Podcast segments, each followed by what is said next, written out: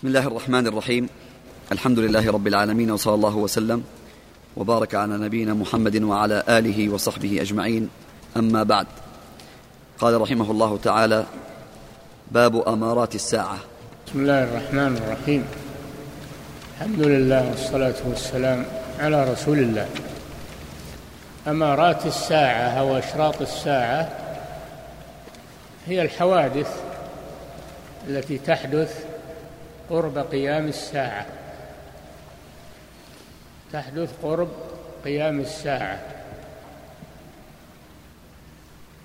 قال الله جل وعلا هل ينظرون إلا الساعة أن تأتيهم بغتة؟ فقد جاء أشراطها أي علاماتها. وأول علامات الساعة بعثة الرسول صلى الله عليه وسلم. قال صلى الله عليه وسلم بعثت أنا والساعة كهاتين أشار بأصبعيه كريمتين السبابة والوسطى. وهو عليه الصلاة والسلام هو نبي الساعة.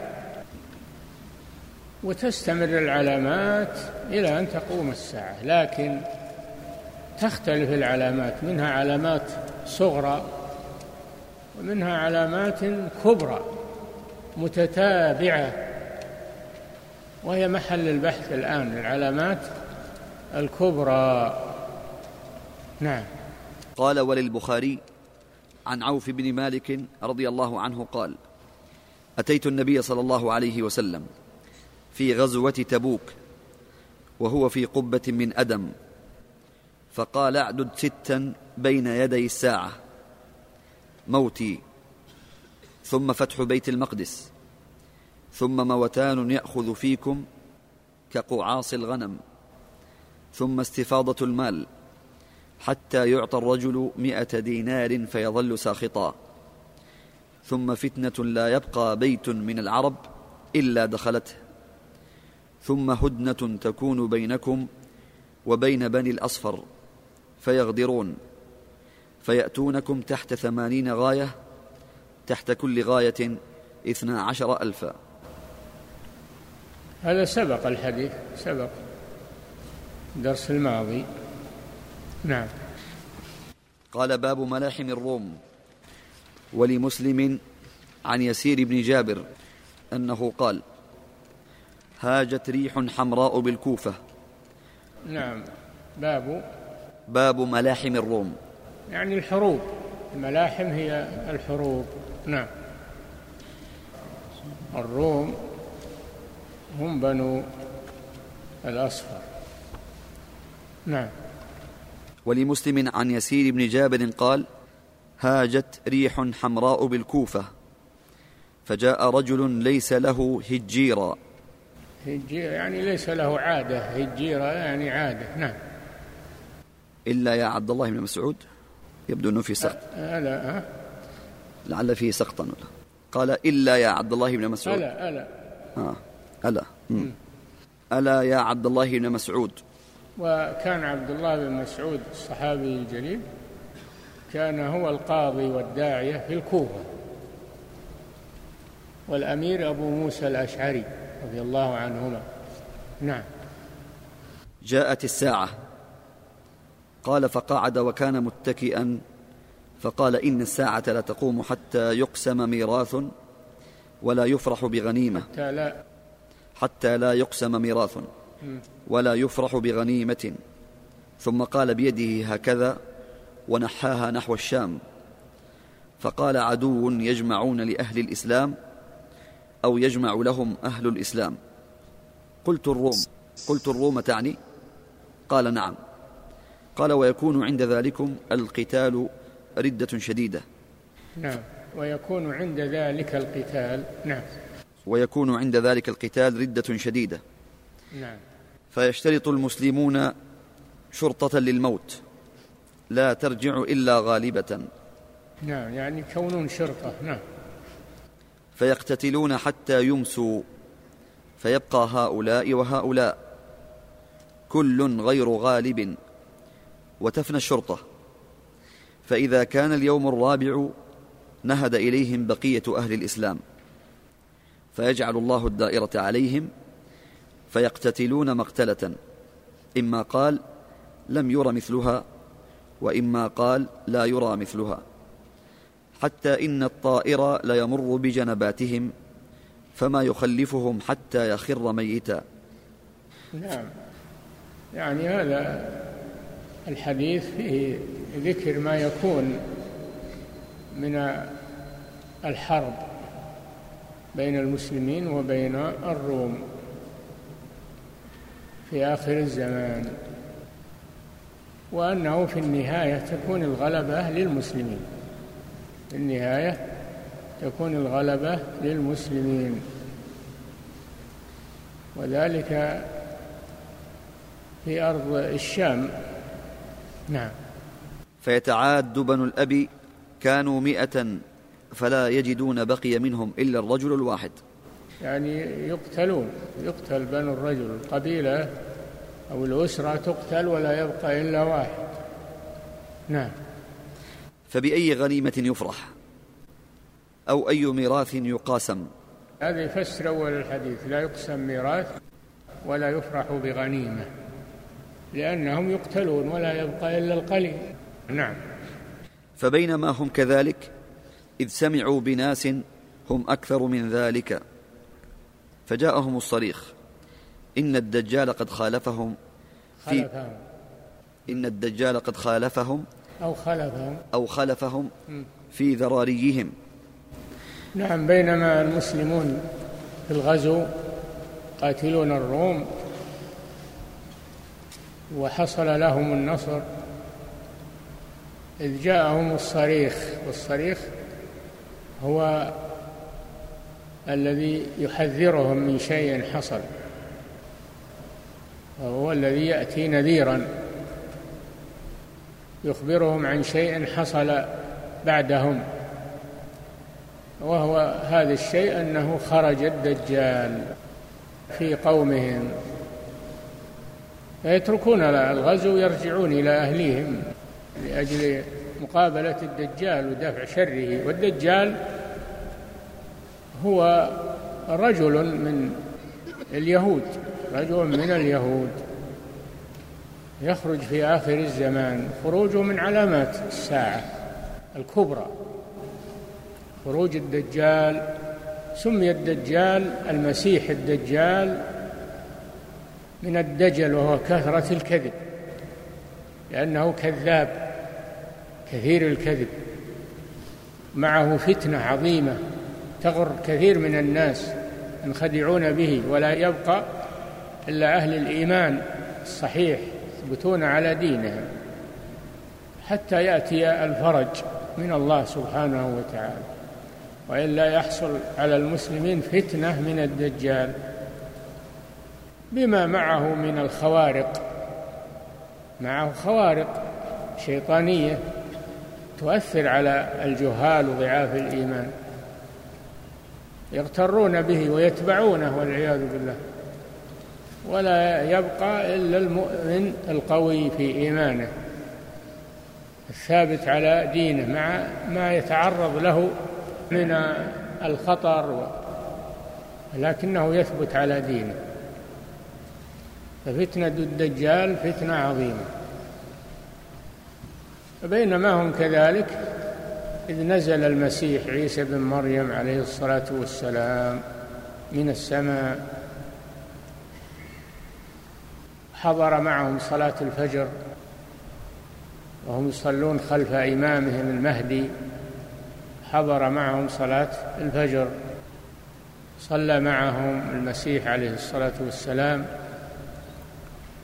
ثم يطلب الدجال يطلبه حتى يجده فيقتله يقتله شر قتله.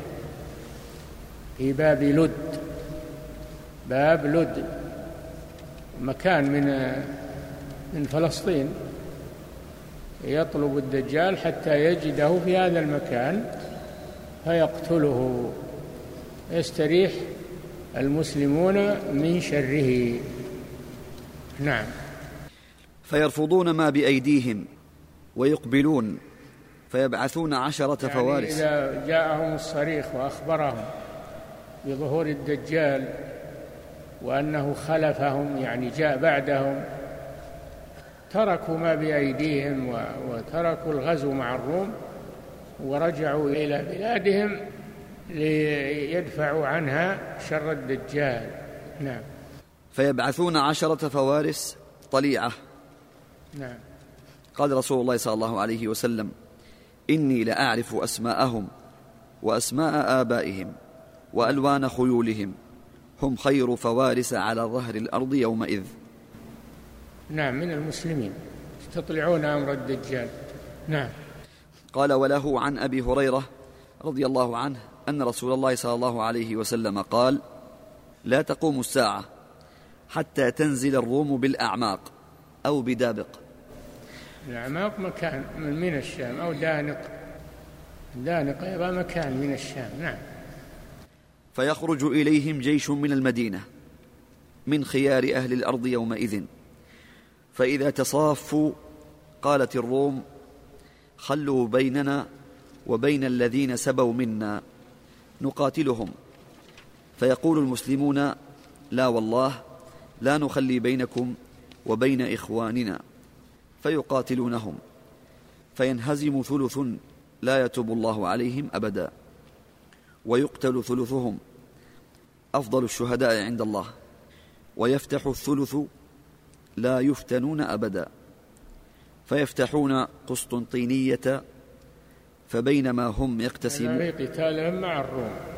قسطنطينية عاصمة الترك. نعم. فبينما هم يقتسمون الغنائم قد علقوا سيوفهم بالزيتون إذ صاح فيهم الشيطان. إن المسيح قد خالفكم أو خلفكم. هذا مثل الحديث الذي قبله. بينما هم يقاتلون الروم ظفروا بالروم وأخذوا الغنائم إذ جاءهم النذير بأن الدجال قد خرج في أهليهم. نعم. في أهليكم. فيخرجون وذلك باطل. فإذ فيخرجون وذلك باطل. نعم. فإذا جاءوا الشام خرج فبينما هم يعدون للقتال يسوون الصفوف إذ أقيمت الصلاة. فنزل عيسى بن مريم عليه السلام. بينما هم في كرب وشدة مع الدجال ويتهيئون لقتال الدجال وحزبه عرضت صلاة الفجر. بينما هم كذلك نزل عيسى عليه السلام. والله جل وعلا أخبر أنه رفع عيسى إليه حيا رفعه إليه حيا لما تآمر عليه اليهود. يريدون قتله رفعه الله من بينهم ولم يشعروا بذلك وألقى شبهه على رجل من القوم. ظنوا أنه المسيح فقتلوه وصلبوه. ونجى الله المسيح عليه الصلاة والسلام ورفعه إليه حيا بروحه وبدنه. ثم في آخر الزمان ينزل. وإن من أهل الكتاب إلا ليؤمنن به قبل موته. هذا إذا نزل. إذا نزل يؤمنون ولا يبقى في الأرض إلا الإسلام. ما يبقى دينان في الأرض. ويحكم بشريعة محمد صلى الله عليه وسلم. حتى يخرج يأجوج ومأجوج في آخر حياة عيسى بن مريم عليه السلام. هذه آفة أخرى تظهر على المسلمين. تخلصوا من الدجال وساد حكم المسلمين انتشر الإسلام وضعت الجزية قتل الخنزير. صارت العبادة لله وحده. بينما هم كذلك ظهر عليهم جيش لا يطيقونه وهم يأجوج ومأجوج. نعم. فنزل عيسى ابن مريم عليه الصلاة والسلام فأمهم. فإذا رآه عدو الله ذاب كما يذوب الملح في الماء. إذا رأى الدجال عيسى بن مريم عليه السلام خار ولم يستطع الحركة وذابت قواه. نعم. فلو تركه لانذاب حتى يهلك. نعم. ولكن يقتله بيده فيريهم دمه في حربته. عيسى بن مريم يقتل الدجال بيده مباشرة. فيريح الله المسلمين من الدجال ويتولى المسيح عليه السلام. نعم. عيسى بن مريم. نعم. وله عنه عن النبي صلى الله عليه وسلم أنه قال سمعتم بمدينة جانب فيها في البر وجانب في البحر؟ قالوا نعم يا رسول الله. قال لا تقوم الساعة حتى يغزوها سبعون الفا من بني إسحاق فإذا نزلوها لم يقاتلوا بسلاح ولم يرموا بسهم. قالوا لا إله إلا الله والله أكبر فيسقط أحد جانبيها. قال نعم يغزون المسلمون يغزون هذه البلد. الظاهر انها القسطنطينية. يغزونها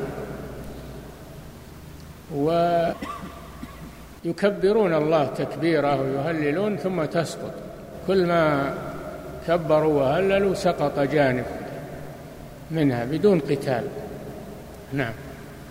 قال ثور لا أعلمه قال إلا الذي في البحر. أي نعم يعني الجانب اللي في البحر منها يسقط بالتكبير. نعم. ثم يقول لا إله إلا الله والله أكبر فيسقط جانبها الآخر.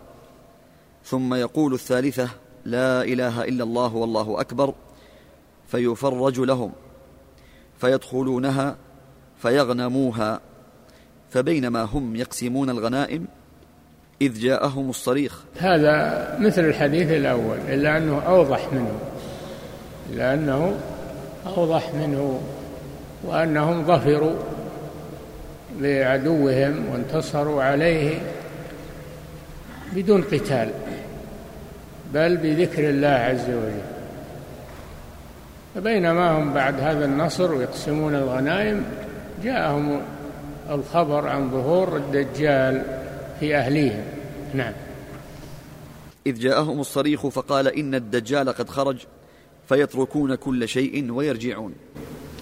أي نعم إلى أهلهم قال ولابن ماجه من حديث كثير بن عبد الله بن عمرو بن عوف عن أبيه عن جده مرفوعا. إنكم ستقاتلون بني الأصفر. يعني الروم. نعم.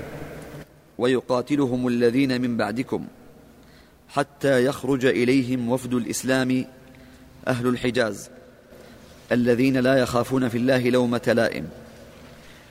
فيفتحون القسطنطينية بالتسبيح والتكبير. هذه البلد الذي بعضها في البر وبعضها في البحر. هي القسطنطينية.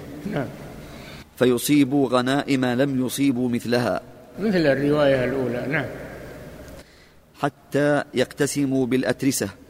فيأتي آت كثرة المال يقتسمونه ما هو بالعد.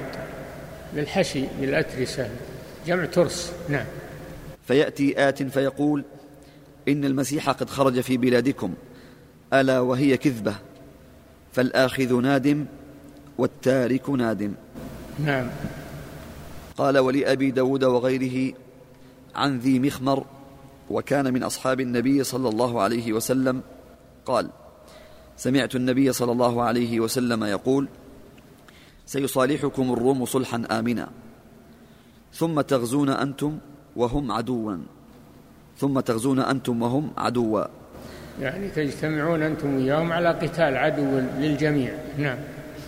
فتنصرون وتسلمون ثم ينصرفون حتى ينزلون بمرج ذي تلول فرفع رجل من أهل الصليب الصليب فيقول غلب الصليب فيغضب رجل من المسلمين فيقوم إليه فيدفعه فعند ذلك تغدير الروم فيجمعون للملحمة.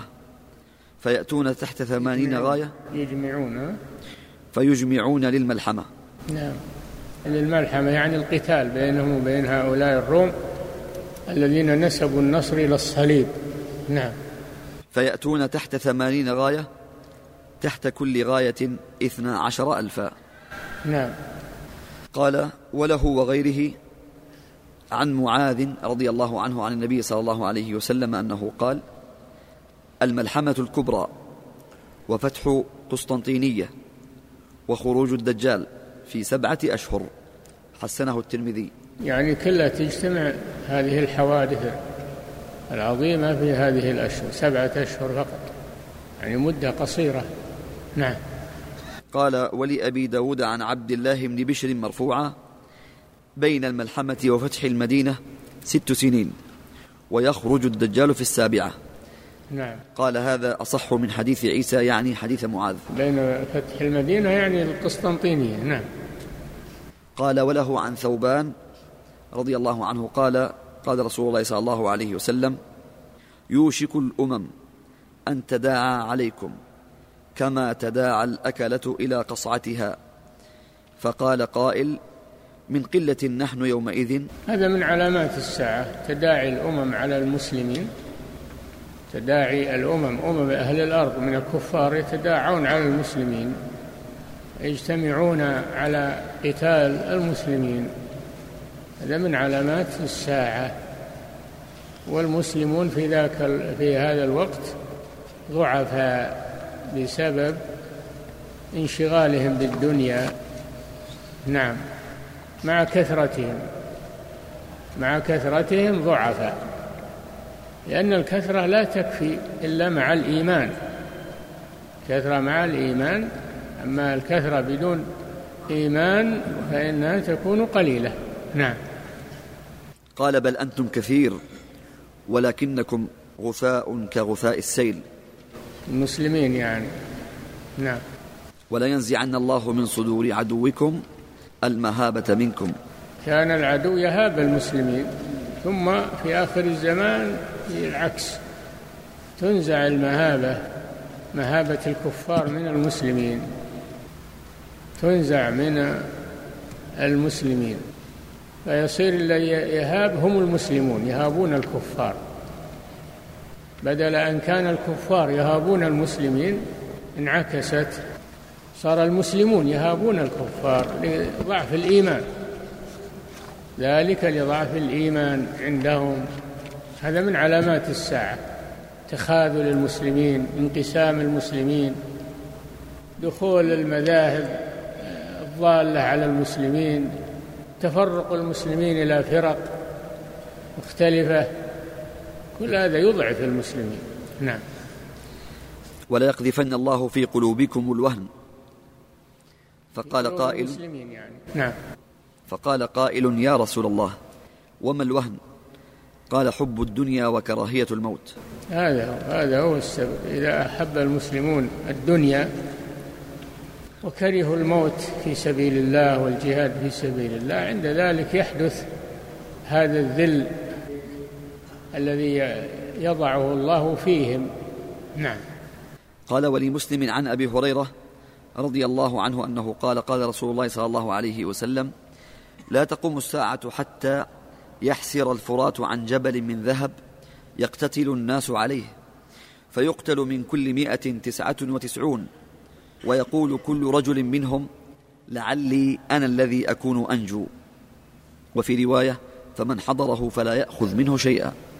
فتنة ظهور هذا الجبل من الذهب إذا حسر ماء الفرات تقاتلون عليه. هذا من انشغالهم بالدنيا. والطمع وهذا هو الذي أذلهم أمام عدوهم. يقاتلون بينهم المسلمين يتقاتلون بينهم كل يريد أخذ هذا الذهب. فتنة. نعم. قال وله عنه رضي الله عنه أنه قال قال رسول الله صلى الله عليه وسلم إذا منعت العراق درهمها وقفيزها ومنعت الشام مديها ودينارها. ومنعت مصر إردبها ودينارها. يعني البخل إذا حصل البخل بالمال حصلت المصيبة. نعم. وعدتم من حيث بدأتم. يعني تعودون أذلة مثل ما كنتم قبل الإسلام. نعم. وعدتم من حيث بدأتم. وعدتم من حيث بدأتم. نعم. شهد على ذلك لحم أبي هريرة ودمه. يعني الراوي يقول أشهد أن رسول الله صلى الله عليه وسلم قال هذا الكلام وأنه سمعه منه شهد لحم أبي هريرة ودمه على هذا. إما بتأكيد الرواية. نعم. قال وله عن المستورد القرشي أنه قال سمعت رسول الله صلى الله عليه وسلم يقول تقوم الساعة والروم أكثر الناس. فقال له عمرو بن العاص رضي الله عنه لئن قلت ذلك إن فيهم لخصالا أربعة. إنهم لأحلم الناس عند فتنة. وأسرعهم إفاقة بعد مصيبة. وأوشكهم كرة بعد فرة. وخيرهم لمسكين ويتيم وضعيف. وخامسة حسنة جميلة. وأمنعهم من ظلم الملوك. نعم يعني إن الروم فيهم صفات طيبة. فيهم صفات طيبة مع كفرهم مع كفرهم. لكن فيهم صفات طيبة. لتجدن أشد الناس عداوة للذين آمنوا اليهود والذين أشركوا. ولتجدن أقربهم مودة للذين آمنوا الذين قالوا إنا نصارى. ذلك بأن منهم قسيسين ورهبانا وأنهم لا يستكبرون. ومنهم من إذا سمع ما أنزل إلى الرسول فإنه يبكي ويؤمن بمحمد صلى الله عليه وسلم. فالنصارى أكثر إسلاما أكثر دخولا في الإسلام من غيرهم وأكثر رأفة ورحمة وإن كانوا كفارا. أما اليهود قبحهم الله فهم أشد الناس عداوة مع المشركين. شوف مع المشركين عباد الأوثان مع أنهم أهل كتاب. مع أنهم أهل كتاب لكن ما نفعهم كتابهم صاروا مثل عبدة الأوثان. لتجدن أشد الناس عداوة للذين آمنوا اليهود والذين أشركوا. يشاركون عبدة الأصنام مع أنهم أهل كتاب ولم ينفعهم كتابهم لما لم يعملوا به. نعم. قال رحمه الله. الذي يسلم من النصارى أكثر من الذي يسلم من اليهود. نعم. قال رحمه الله تعالى وله عن جابر بن سمرة عن نافع بن عتبة رضي الله عنهما أنه قال كنا مع رسول الله صلى الله عليه وسلم في غزوة. قال فأتى النبي صلى الله عليه وسلم قوم من قبل المغرب عليهم ثياب الصوف فوافقوه على أكمة. فإنهم لقيام ورسول الله صلى الله عليه وسلم قاعد. فقالت لي نفسي إيتهم فاقعد بينهم وبينه لا يغتالونه. ثم قلت لعله نجي معهم. يعني تحدثون نعم. فأتيتهم فقمت بينهم وبينه فحفظت منه أربع كلمات أعدهن في يدي. من يعني الرسول صلى الله عليه وسلم نعم. قال تغزون جزيرة العرب. فيفتحها الله. ثم فارس. فيفتحها الله. وتغزون الروم. فيفتحها الله. ثم تغزون الدجال. فيفتحه الله. قال فقال نافع يا جابر لا نرى الدجال يخرج حتى تفتح الروم. نعم. قال وله عن أبي هريرة رضي نعم الله عنه. هذا الحديث فيه البشارة للمسلمين. أن الله ينصرهم ويفتح عليهم في آخر الزمان. يعني ما ييأس المسلمون مع كثرة الفتن والكروبات والشدائد إلا أن هذا الدين يبقى ويبقى له أهل يتمسكون به وينصرهم الله. لا يضرهم من خذلهم ولا من خالفهم حتى يأتي أمر الله تبارك وتعالى. نعم. قال وله عن أبي هريرة أن رسول الله صلى الله عليه وسلم قال لا تقوم الساعة حتى يخرج رجل من قحطان يسوق الناس بعصاه. نعم هذا من علامات الساعة خروج هذا الرجل إنه يتسلط على الناس بسلطانه. هذا أيضا من علامات الساعة وقحطان هي القبيلة المعروفة لأن العرب ينقسمون إلى قسمين قحطانية وعدنانية. قحطانية وعدنانية. نعم. وله عنه عن النبي صلى الله عليه وسلم أنه قال لا تذهب الأيام والليالي حتى يملك رجل يقال له الجهجه. الجهجاه نعم. هذا اسم الرجل الذي من قحطان اسمه الجهجاه نعم. الجهجاه ومن علامات الساعة نعم. قال وله عنه أن النبي صلى الله عليه وسلم قال لا تقوم الساعة حتى تقاتل قوما كأن وجوههم المجان المطرقة. ولا يعني تقوم الساعة. يعني الترك. قاتل العرب الترك نعم. ولا تقوم الساعة حتى تقاتل قوما نعالهم الشعر. نعم. من يعني من المغرب والله أعلم. نعم. وفي لفظ تقاتلكم أمة ينتعلون الشعر وجوههم مثل المجان المطرقة. المجن المجان جمع مجن وهو ما يتخذه المقاتل سترة دونه ودون سلاح العدو. نعم. وفي رواية لا تقوم الساعة حتى تقاتل قوما نعالهم الشعر ولا تقوم الساعة حتى تقاتل قوما صغار الأعين ذلف الأنوف. ولا صفة الروم والله أعلم. نعم. صفة صفة الترك. نعم. وفي لفظ يقاتل المسلمون الترك. ترك. نعم. هذه تفسر الكلام السابق. نعم. أن المراد بهم الترك. نعم. يقاتل المسلمون الترك قوما وجوههم كالمجان المطرقة. نعم. يلبسون الشعر ويمشون في الشعر. صارت الصفتان للترك. هم اللي يلبسون الشعر وينتعلون الشعر ووجوههم كالمجان المطرقة صغار الأعين إلى آخره. نعم. وفي لفظ حمر الوجوه صغار الأعين. نعم.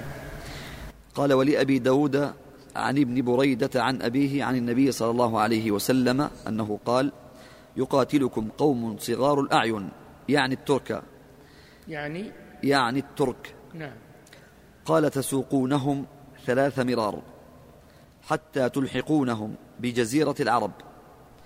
فأما في السياقة الأولى فينجو من هرب منهم وأما الثانية فينجو بعض ويهلك بعض وأما الثالثة فيصطلمون أو كما قال صلى الله عليه وسلم. نعم. يعني يهلكون. نعم.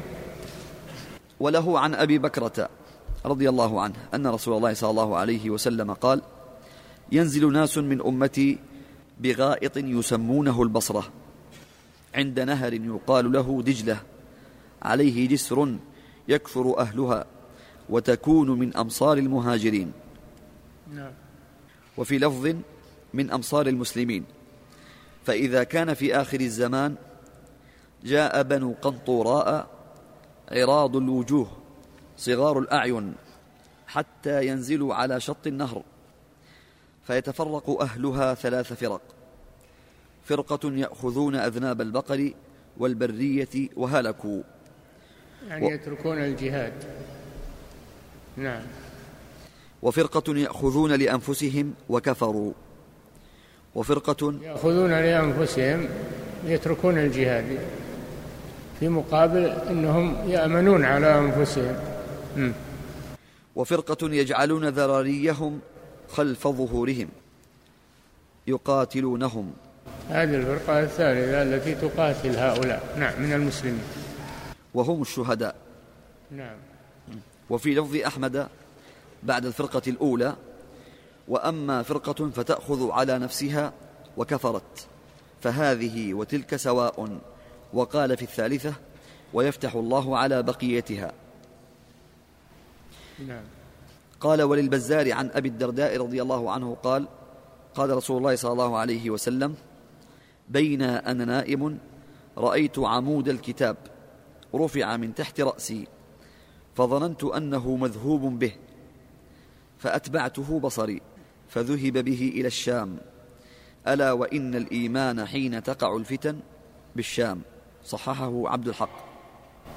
نعم فيه فضل الشام وأنها في آخر الزمان تكون هي مقر الإسلام. نعم.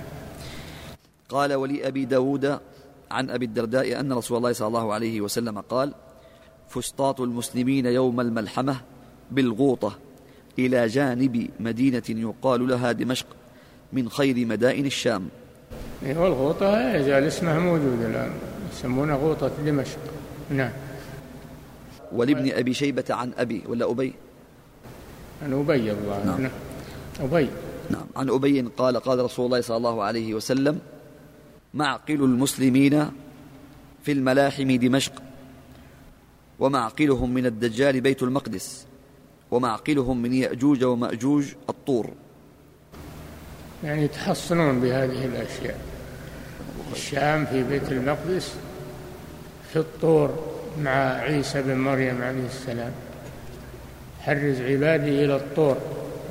ينحصرون في الطور من يأجوج ومأجوج. ثم يهلك الله يأجوج ومأجوج بالمرض والوباء ثم يخرج المسلمون من حصارهم. فرحين. نعم. أحسن الله إليكم. في نسخة تقول عن أبي الزاهرية. نعم. ولابن أبي شيبة عن أبي الزاهرية. بدل أبي هريرة. كان مكتوب أبي عندنا فقط. كان مكتوب عندنا ولابن أبي شيبة عن أبي قال رسول الله صلى الله عليه وسلم. في نسخة عن أبي الزاهرية. يعني سابقا نعم كلمة. كلمة نعم. قال معقل المسلمين في الملاحم دمشق ومعقلهم من الدجال بيت المقدس ومعقلهم من يأجوج ومأجوج الطور. نعم.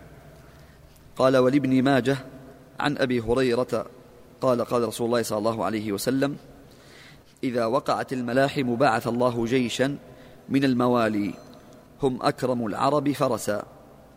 وأجوده سلاحا يؤيد الله به الدين. نعم. قال ولمسلم عن حذيفة بن أسيد أنه قال اطلع علينا رسول الله صلى الله عليه وسلم من غرفة ونحن نتذاكر الساعة. فقال لا تقوم الساعة حتى يكون عشر آيات طلوع الشمس من مغربها والدخان والدجال ويأجوج ومأجوج ونزول عيسى بن مريم وثلاث خسوف خسف بالمشرق وخسف بالمغرب وخسف بجزيرة العرب ونار تخرج من قعر عدن. تسوق الناس إلى المحشر. تبيت معهم إذا باتوا وتقيل معهم إذا قالوا. وفي رواية وآخر ذلك نار تخرج من اليمن تطرد الناس. وفي نعم رواية. تسوقهم إلى الشام لأن أرض المحشر هي الشام الساهرة. نعم. وفي رواية له وريح تلقي الناس في البحر بدل نزول عيسى. نعم. وله عن أبي هريرة أن رسول الله صلى الله عليه وسلم قال بادروا بالأعمال ستا طلوع الشمس من مغربها أو الدخان أو الدجال أو الدابة أو خاصة أحدكم أو أمر العامة. نعم. وله عن معقل بن يسار مرفوعا العبادة في الهرج كهجرة إلي. عبادته في الهرج يعني كون الإنسان يشتغل بالعبادة في الهرج يعني وقت الفتن. الهرج هو الفتن بين المسلمين. اللي يتجنبها أو يشتغل بالعبادة يكون كالمهاجر إلى رسول الله صلى الله عليه وسلم. هذا فيه فضل العمل الصالح في وقت الفتن أن الإنسان لا يدخل فيها يشتغل بالعبادة. نعم. وله عن أبي هريرة أنه قال قال رسول الله صلى الله عليه وسلم ثلاث آيات إذا خرجن لا ينفع نفسا إيمانها لم تكن آمنت من قبل أو كسبت في إيمانها خيرا. طلوع الشمس من مغربها والدجال ودابة الأرض. نعم. هذه الآيات الكبار الثلاث ينتهي قبول الإيمان والتوبة. فلا يقبل التوبة ولا ينفع الإيمان آه، الذي يأتي بعدها. لم تكن آمنت من قبل. أما إذا ما آمنت إلا بعد طلوع الشمس مغربها ما ينفع هذا. ولا يقبل. هل ينظرون إلا أن تأتيهم الملائكة أو يأتي ربك؟ يأتي سبحانه في الفصل بين العباد. إتيانا يليق بجلاله سبحانه. أو يأتي بعض آيات ربك. وهذه هي طلوع الشمس من مغربه. يوم يأتي بعض آيات ربك يعني طلوع الشمس من مغربها لا ينفع نفسا إيمانها لم تكن آمنت من قبل. لأنه يغلق باب التوبة. إذا ظهرت الشمس من مغربها يغلق باب التوبة. ظهرت الدابة الدابة تسم الناس. تكتب على المسلم مسلم تكتب على الكافر كافر. ولا يتوب من الكفار أحد ولا تقبل توبته. حينئذ. نعم. فيتبايع المسلم والكافر. يقول المسلم يا كافر ويقول الكافر يا مسلم. نعم. وله عن أبي زرعة وذكر قول مروان عن الآيات أولها خروجا الدجال. ها؟ قال وله عن أبي زرعة وذكر يعني الآيات الكبار. أولها خروجا الدجال. نعم. وذكر قول مروان عن الآيات أولها خروجا الدجال. فقال عبد الله بن عمرو لم يقل مروان شيئا. حفظت من رسول الله صلى الله عليه وسلم حديثا لم أنسه بعد. عبد الله بن عمرو نعم. حديثا لم أنسه بعد. سمعت رسول الله صلى الله عليه وسلم يقول إن أول الآيات خروجا طلوع الشمس من مغربها وخروج الدابة على الناس ضحى. وأيهما كانت قبل صاحبتها فالأخرى على إثرها قريبا نعم. خروج الدابة خروج الشمس من مغربها. هاتان الآيتان إذا وقعتا انتهى قبول التوبة وانتهى قبول الإيمان. نعم. قال وللترمذي عن صفوان بن عسال قال سمعت رسول الله صلى الله عليه وسلم يقول إن بالمغرب بابا مفتوحا للتوبة. مسيرة سبعين سنة. لا يغلق حتى تطلع الشمس من قبله. وقال حسن صحيح. نعم هذا يوافق ما سبق أن أنه إذا طلعت الشمس من مغربها لا تقبل التوبة. نعم.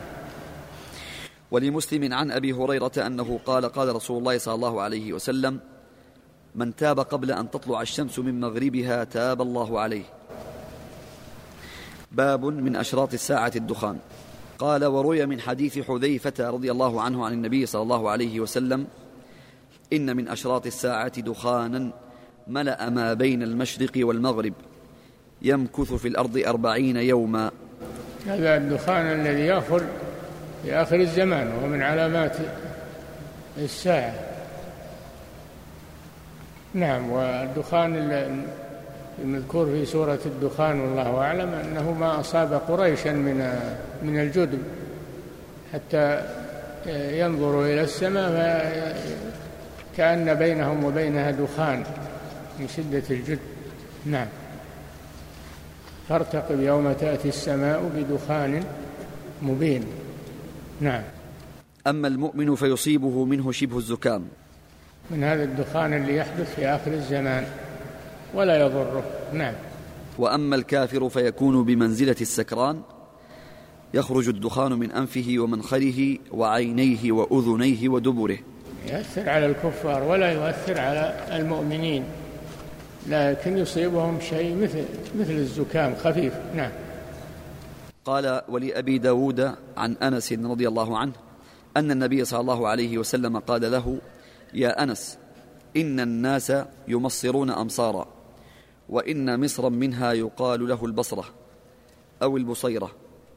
فإن أنت مررت بها أو دخلتها فإياك وسباخها وكلأها وسوقها وباب أمرائها وعليك بضواحيها فإنه يكون بها خسف وقذف ورجف وقوم يبيتون يصبحون قردة وخنازير. في آخر الزمان والله أعلم. نعم. أحسن الله إليكم وبارك فيكم الله تعالى أعلم وصلى الله وسلم على نبينا محمد. نعم. أحسن الله إليكم وبارك فيكم ونفع بكم الإسلام والمسلمين. هذا سائل يقول شيخنا أحسن الله إليكم. لو توجهون كلمة لإخواننا في الشام نسأل الله أن يلطف بهم. نسأل الله أن ينصر الإسلام والمسلمين في الشام وفي غيرها. لكن في الشام أشد كربة ولا بد أن تنفرج بإذن الله. أعلم أن الفرج مع الكرب. فالله جل وعلا يفرج للمسلمين. كما وعد بذلك أن النصر مع الصبر وأن الفرج مع الكرب وأن مع العسر يسرا. نعم. أحسن الله إليكم. هذا سائل يقول هناك من يشكك في خروج الدجال ومن شبهه أي المشكك أن القسطنطينية قد فتحت. وهذه يعاد فتحها يا أخي يعاد فتحها فتحت في الأول وستعود للكفار وسيعاد فتحها في آخر الزمان. نعم.